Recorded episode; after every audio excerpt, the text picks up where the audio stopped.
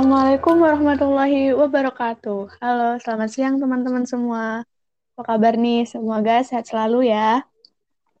Hari ini di broadcast Kasih Podcast akan membahas terkait dana honor kematian akibat COVID-19 di Jember bersama Ketua dari Himakes atau Himpunan Mahasiswa Kesejahteraan Sosial Visipunet. Nah, boleh perkenalan dulu nih Kak. Oke, terima kasih Cinta sebelumnya perkenalkan nama saya Muhammad Irfan Hartadi. Uh, saya mahasiswa ilmu kesejahteraan sosial. Untuk saat ini saya masih di semester 5. Salam kenal ya teman-teman. Ya, salam kenal kembali Kak Irfan. Nah, setelah setelah mengenal Kak Irfan nih.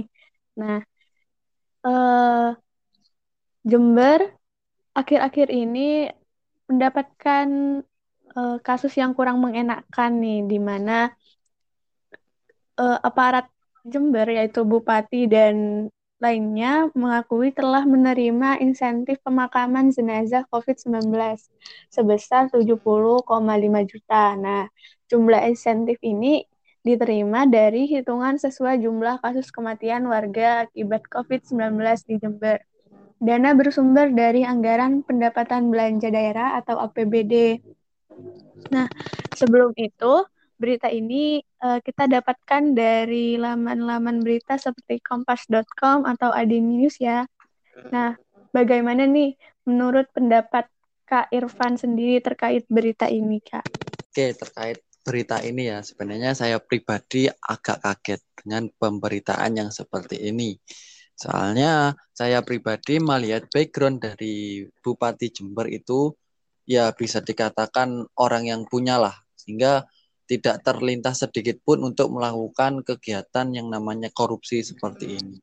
Saya mengetahui berita terkait hal ini tuh melalui Instagram, eh, melalui dari Instagramnya Info Warga Jember, kemudian Pem, Jember kalau nggak salah, dan di situ berhari-hari menggaungkan terkait hal ini. Nah, jadi di situ ya saya pribadi selaku warga Jember itu agak kaget dengan pemberitaan yang seperti ini.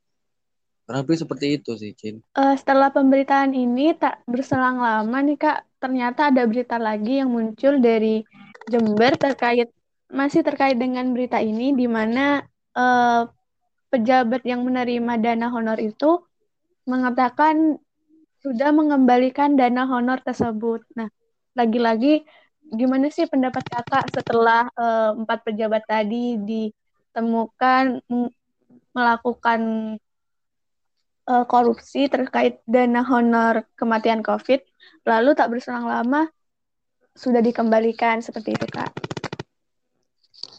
Ya terkait pemberitaan itu ya, itu masih janggal dari saya pribadi. Soalnya berita ini cukup hype dan kemudian baru ada tindakan untuk pengembalian. Nah dan uh, pengembalian itu seakan-akan terlalu disegerakan kurang lebih seperti itu uh, atas kebijakan tersebut. Sehingga uh, di sini juga menimbulkan apa ya sedikit spekulatif spekulatif lah terkait hal ini untuk menanggapi berita yang ada. Jadi ya uh, masih menimbulkan banyak pertanyaan kenapa kok kesannya terlalu disegerakan untuk uh, diserahkan dari uang yang telah diterima dan ini kayak menimbulkan keanehan gitu loh. Oke, berarti oh, seperti menimbulkan tanda tanya sendiri bagi masyarakat gitu ya, karena sudah tertangkap, lalu dengan cepat mereka mengembalikan seperti itu ya kak?